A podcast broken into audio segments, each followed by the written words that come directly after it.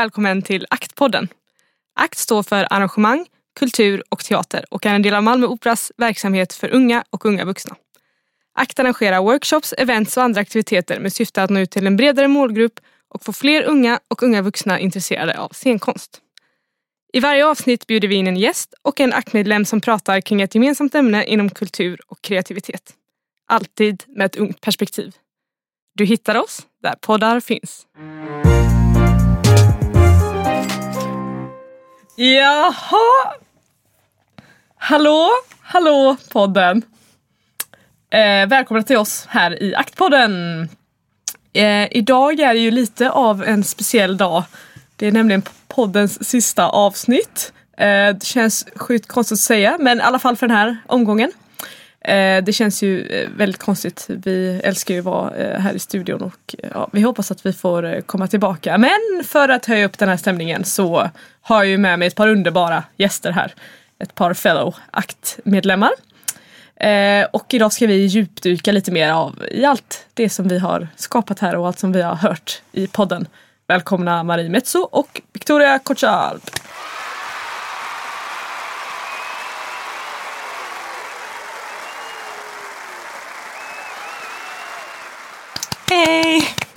Kan vi applådera för oss själva? Hur, hur är läget?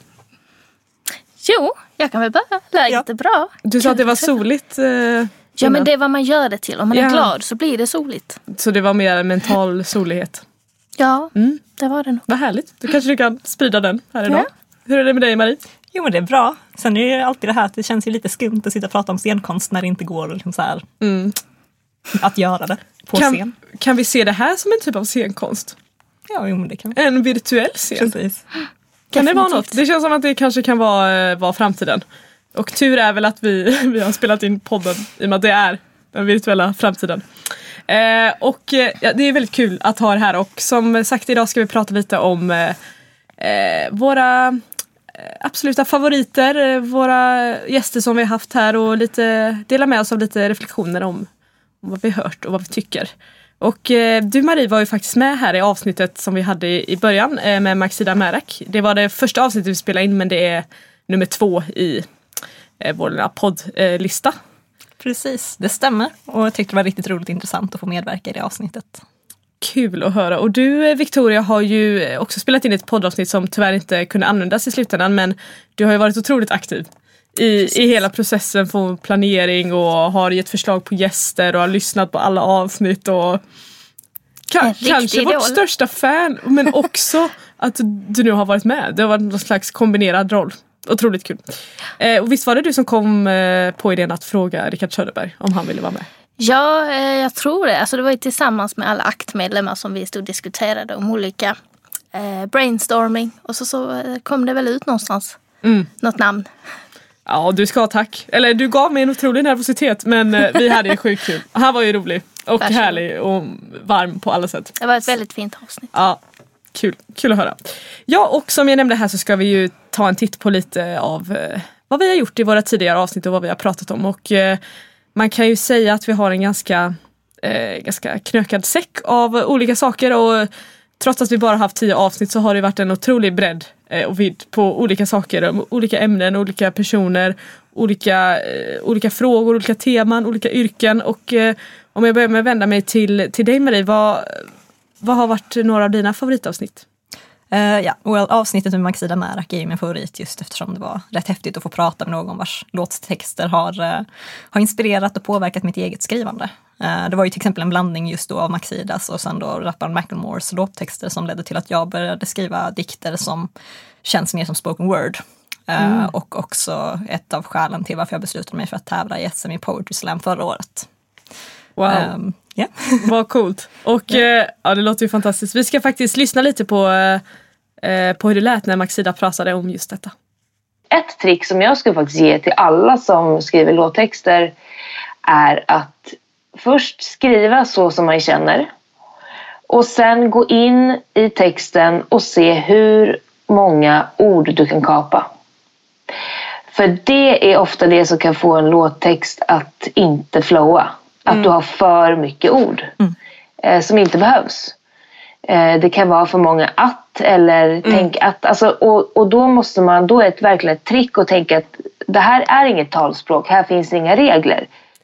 Eh, ja, det här var Maxidas eh, tricks. Vad, vad tycker du om det Paris? Alltså jag tycker ju att det är verkligen ett superrelevant tips när det kommer till eh, låttextskrivande och skrivande i allmänhet. Uh, och det är ju också en av de saker som jag försöker jobba mest med i mitt eget skrivande. Uh, oavsett då om det gäller låttexter, dikter eller noveller eller bokmanus. Uh, just eftersom det gör texterna mer tydliga och relevanta och ger mer skärpa. det förstärker budskapet. Det kortaste jag har skrivit hittills och fått publicerat var en skräcknovell på två meningar. Och då var vi ändå två som skrev. Så som sagt, kort och koncist är guld när det kommer till textskrivande. Kul! Två meningar. Det kan yes. man Nej, men man kan säga mycket med det. Vad, vad säger du om detta? Ja, men jag håller med dig. Det är lite som fri till att forma en text. Det, det gillar jag. Mm. Kul. Sen tyckte jag ju också att det var väldigt kul att Maxida delade med sig av sin livsfilosofi och sitt motto som jag kände igen mig mycket i. Spännande. Vi, vi lyssnar på det också. Jag har ett så motto som jag brukar Alltså det är lite på skämt men, men det är också ett stort allvar bakom det. Att du ska leva du ska leva ditt liv som om du vore pensionär. Mm. Eh, och det med det menar jag... Ja, men för att det är det du hör människor hela tiden prata om vad de, vad de vad människor verkligen, verkligen vill göra och hur de verkligen vill leva. Det skjuter de upp tills de ska gå i pension. Mm. Då ska de göra det, de ska bo där, de ska bygga si och så och vara med den och den och den. Och det är några år sedan där, jag, där det gick upp för mig att så här, fuck it, jag tänker inte vänta tills jag är 70. Allt det där som jag tänkt att jag ska göra när jag var 70 fick jag för mig att jag skulle göra nu. Leva som en pensionär. Marie, vad, vad var det som fångade dig där? Uh, ja, som någon som har varit lite av en tant hela mitt liv så kan jag verkligen relatera till det här mottot. Uh, det handlar om att skapa en vardag som du är nöjd och lycklig med nu, uh, istället för att bara gå och drömma om det tills pensionen. Uh, I min favoritnovell då av Tove Jansson med titeln Hemulen som älskade tystnad uh, så har just huvudpersonen den inställningen att han äntligen kommer att kunna få göra vad han vill så snart han kan gå i pension. Men inte innan dess. Innan dess är han mest bara andra till lags för att det ju blir mest praktiskt så. Mm. Ja, det är verkligen något jag tycker att vi alla kan ta med oss oavsett vad vi, vad vi gör här i livet. Nej, det är superhärligt. Och eh, nu vänder jag mig till dig Victoria. Vad, mm. vad, vad minns du särskilt i podden? Ja, nej men det jag tar med mig är främst avsnittet med Camilla Sjöstrand och där hon pratar om kultur och mänskliga rättigheter och demokratin kring det. Eh, men också eh, den senaste, Ronny Danielsson, där han berättar lite om sin väg till regi. Mm. Ja, eh, som du nämnde här, Camilla är ju barnrättsstrateg i Region Skåne och nu ska vi lyssna lite på vad hon svarade på frågan om varför kultur egentligen är så viktigt. I ett demokratiskt samhälle så måste det ju finnas hela tiden en massa olika sätt att uttrycka sig på. Och samtidigt som människor vill vara en del av gruppen så vill alla vara individer och behöver också olika sätt att uttrycka sig på. Så alltså kultur är ju en mänsklig rättighet. Det är en symptom på en bra demokrati. Ja, jag tänkte lite på det här. Jag tyckte det här är så himla coolt sagt av, av Camilla för att det vi det vi försöker göra på ACT är väl mycket av det här att tillgängliggöra och öppna upp liksom eh, bredda rummet eller vad man ska säga och, och att det faktiskt är någonting som alla har rätt till. Mm. Ja men det är sant för att vi människor, alltså hur ska vi säga, det är ju precis som du säger att vi jobbar ju alltså, inom akt med detta att visa att vi är tillgängliga och vi alla har ju olika intressen. Och det är som hon sa, att vi vill ju tillhöra en grupp samtidigt som vi också individuellt vill mm. kunna bidra med någonting. Eh, och det är ju lite vad kultur är ju. Och det är en demokratisk grej skulle jag vilja säga, så jag håller med. Det är ju inte så lätt dock kan man tänka sig, eller så här också om man ser till vad man själv har gjort av att man vill man vill såklart anpassa sig till gruppen. Man vill också så himla gärna uttrycka sina egna åsikter och tankar och, och mm. känslor och ändå ska det anpassas till eh, till alla andra och sen också uttryckas för en publik som också har ett visst behov. Mm. Så det blir ju eh, det blir lätt en himla missmatch kan man säga. Och det kanske inte bara gäller kultur, det kanske gäller mycket annat här i livet. Eh, men eh, om man lever som om man är en, eh, en pensionär, mm. som Maxida säger, så kanske det kan, eh, så kanske det kan uh, hjälpa till lite. Mm. Eh, Camilla är ju eh, som jag sa innan anställd på Region Skånes kulturförvaltning som eh, förutom att på flera sätt främja kultur även genomför undersökningar för att kolla närmare på hur eh, olika målgrupper eh, konsumerar kultur och olika kulturvanor och vi ska lyssna lite på, på vad Camilla hade att säga här om unga människors kulturövande och eh, deras förhållande till stora kulturinstitutioner och, eh, och hur det förhållandet kan se ut. Unga människor visar sig i våra kulturvaneundersökningar, alltså 16 till 29 år. Det är de mest kulturaktiva. Och ändå så Jaha. lyser de med sin frånvaro på de här institutionerna. Och vad gör de istället då enligt våra undersökningar? Jo, de går på cirklar och kurser och framför allt de, är, de tar del av eh, konst och kultur och skapar själva via tekniska plattformar och digitala verktyg. Det. Ehm, och det här det är ju någonting som institutionerna kanske börjar måste förhålla sig till. Det Precis. kanske är så att man har mer och mer en publik som vill vara engagerad på ett annat sätt. Det här känns ju väldigt eh, i tiden just nu Mm. eh, med tanke på coronan och allt och att eh, vi vet att många är aktiva men man är kanske inte aktiv i, i liksom de inte kanske offentliga rummen man ska säga, men i kulturrummen och på scenen och utan jag menar som vi till exempel, vi sitter här och eh, försöker sprida vårt eh, budskap eh, till folk som vi inte alls kan se eller som inte sitter i någon publik som vi kan se och eh, det är ju det är ju liksom man får väl försöka hitta nya vägar och så som vi har gjort nu med ACT. Vi hade innan mycket events och workshops och nu får vi försöka hitta nya, vägs, nya vägar så att det, stämmer ju väldigt mycket det som, eh, som Camilla säger här.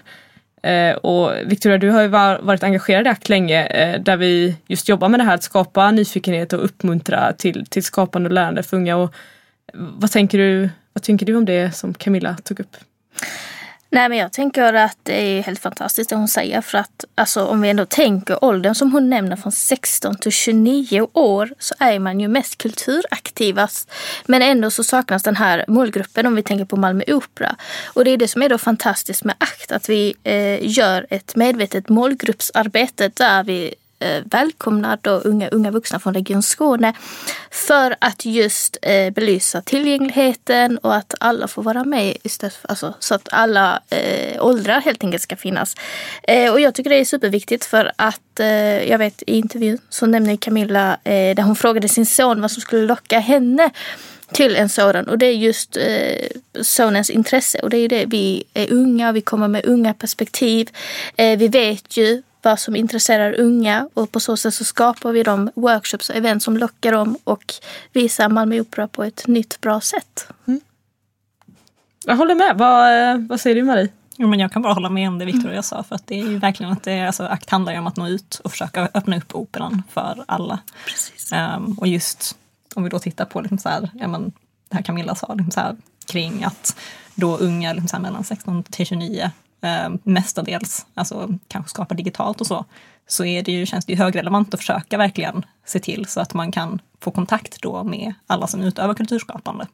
Ja, och jag tänker att om det nu är så att de, de flesta skapar digitalt och att eh, i kombination med den situation vi är i nu så är väl det en jättebra möjlighet att, att utforska i och med att vi faktiskt inte kan eh, göra så mycket eh, grejer fysiskt då med, med stora grupper och sånt. Så att eh, det känns ändå som att det, det är en spännande framtid Verkligen. vi har framför oss trots, trots vintermörker och, eh, coronan.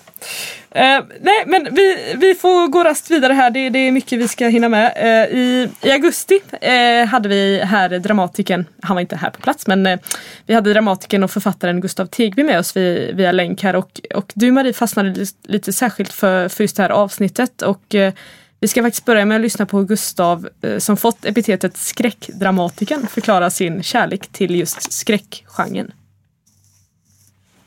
Ja, alltså jag är ju en gammal genrenörd så att jag menar jag kommer ju väldigt mycket från det hållet men det var nog lite samma sak att när jag började med film även när jag liksom kom in på teater så var det inte liksom då med ambitionen att skriva skräck och så nämligen. Så, eh, men det är väl en kombination av att eh, dels jag dras till de här genrerna, det tror jag har att göra med mycket att jag är en ganska ängslig person tror jag.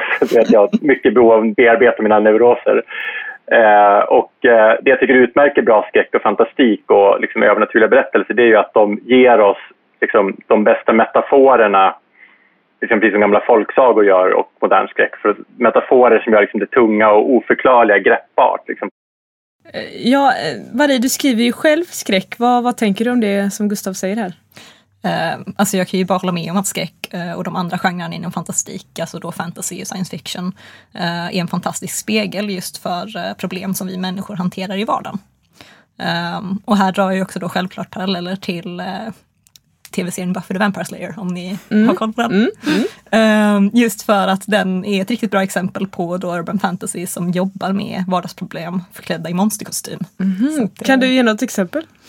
Uh, ja, men det var ju, eh, de har ju vid ett tillfälle att de tar upp, alltså det kan ju vara ensamhet till exempel som de tar upp i samband med ett avsnitt där de faktiskt har det är inte en skolskjutning som sker då, men det är en elev som går runt med tankar kring det här. Och, så att, mm. och jag tycker att de, liksom så här, de jobbar med det på ett förtjänstfullt sätt just för att det blir på ett sätt att man ja, men verkligen kan sätta fingret på sådana saker som kanske annars skulle kanske vara lite svåra att prata om och så. Mm. Också. så att det, och det är ofta just då att de använder sig av då monster eller demoner då, att de får liksom stå för vad det här nu, den här problemet skulle vara om man tänker på det i den vanliga världen.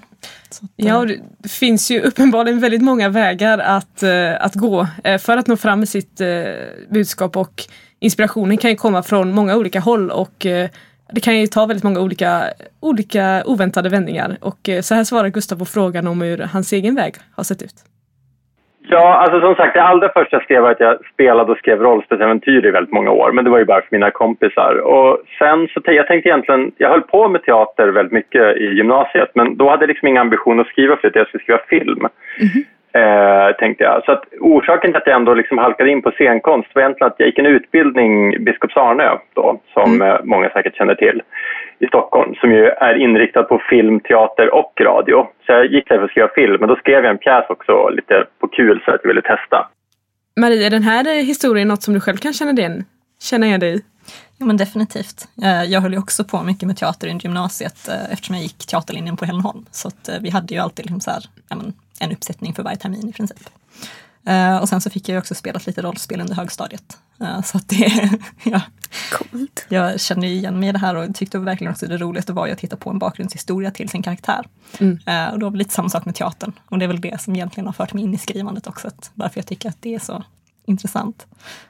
sen tog mitt skrivande också fart på riktigt i samband med just skrivarutbildningar då som när jag läste creative writing på Malmö universitet och gick författarskolan på Lunds universitet.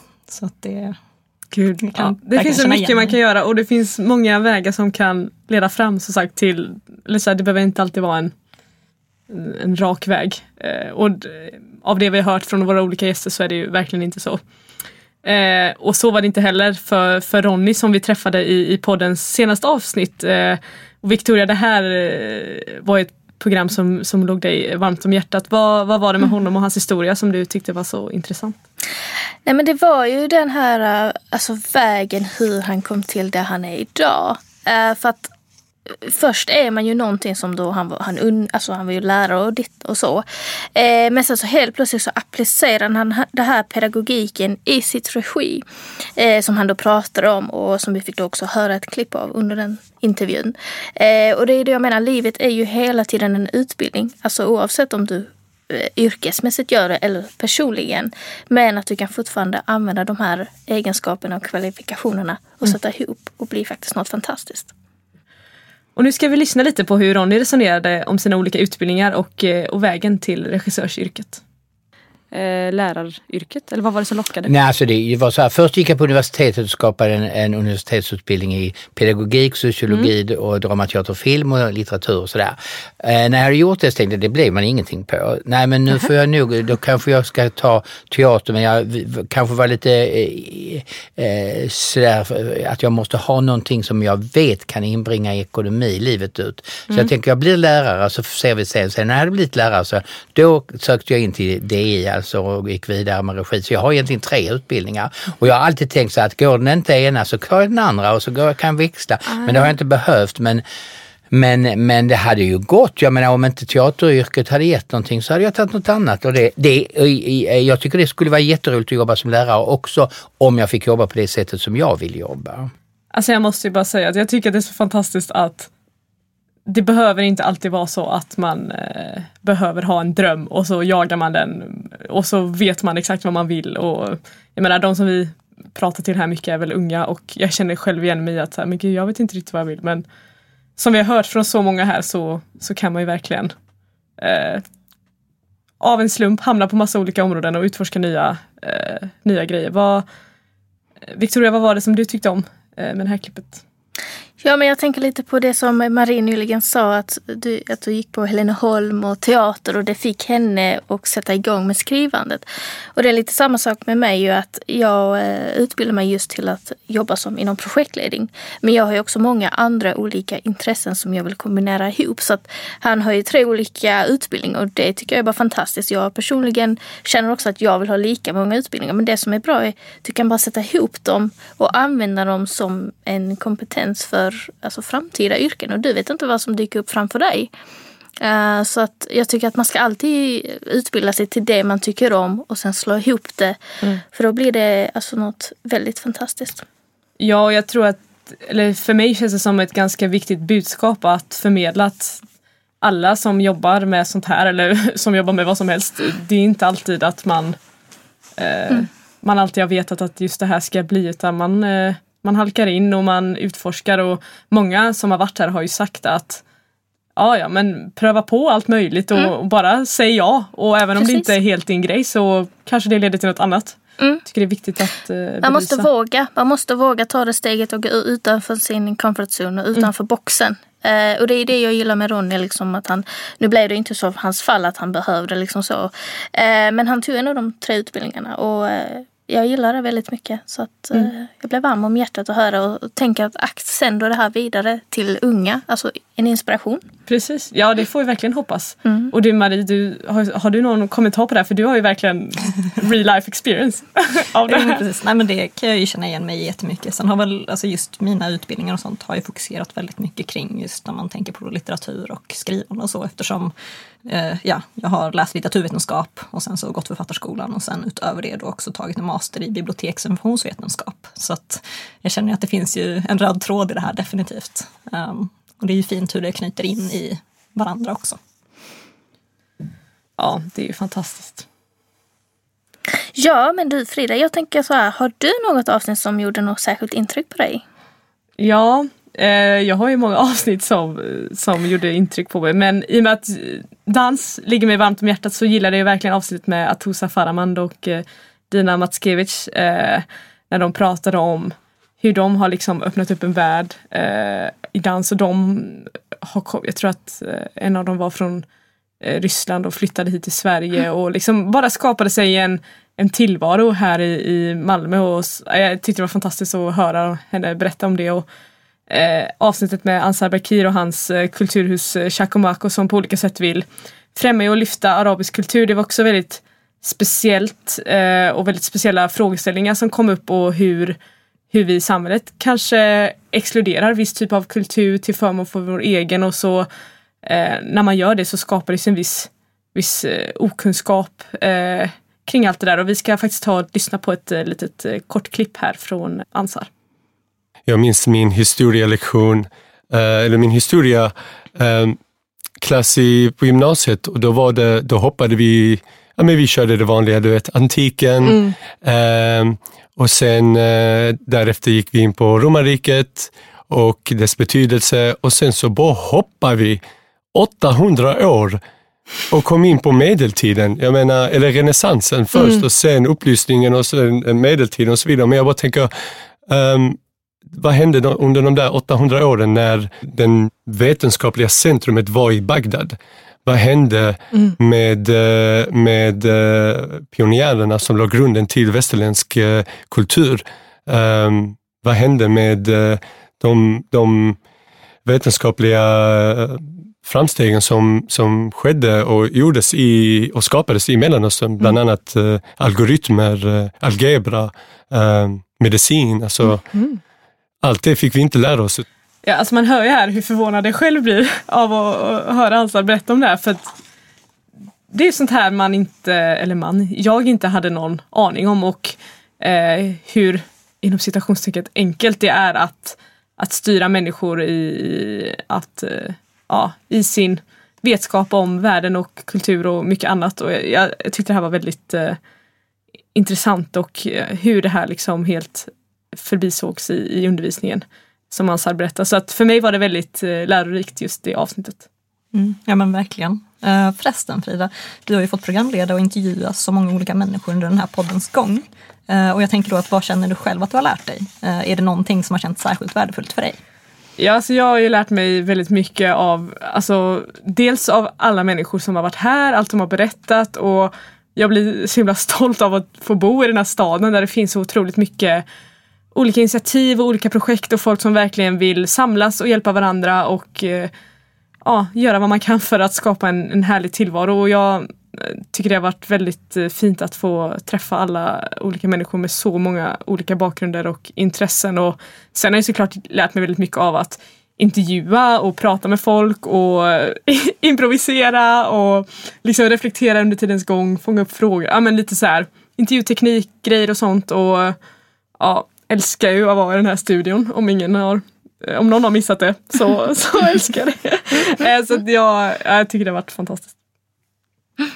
Eh, ja men du Frida, det har varit rena succén säger jag. Alltså, jag vet inte, har det varit det? Ja, men jag har lyssnat på alla avsnitt. Aha. Jag har liksom välkomna till, hem till mig med din röst. Liksom. du är inte partisk bara för att du är med akt? Nej, nej, verkligen inte. Alltså, jag tycker varje avsnitt har ju haft eh, olika vinklar på olika ämnen eh, och bra diskussioner. Och det är därför jag sitter här för att recensera tillsammans med Marie. och eh, succé!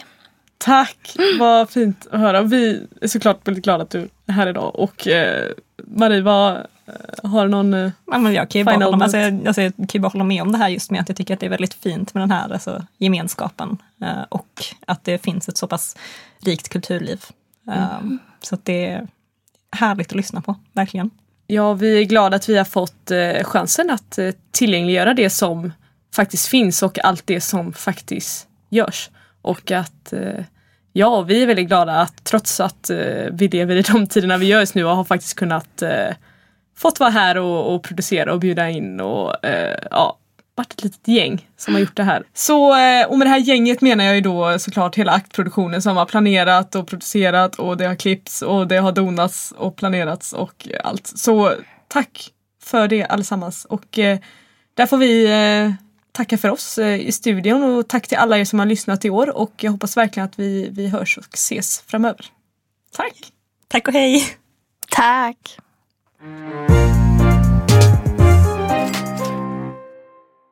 Tack till våra sponsorer Stiftelsen Signatur, Swedbank och Sparbanksstiftelsen Skåne.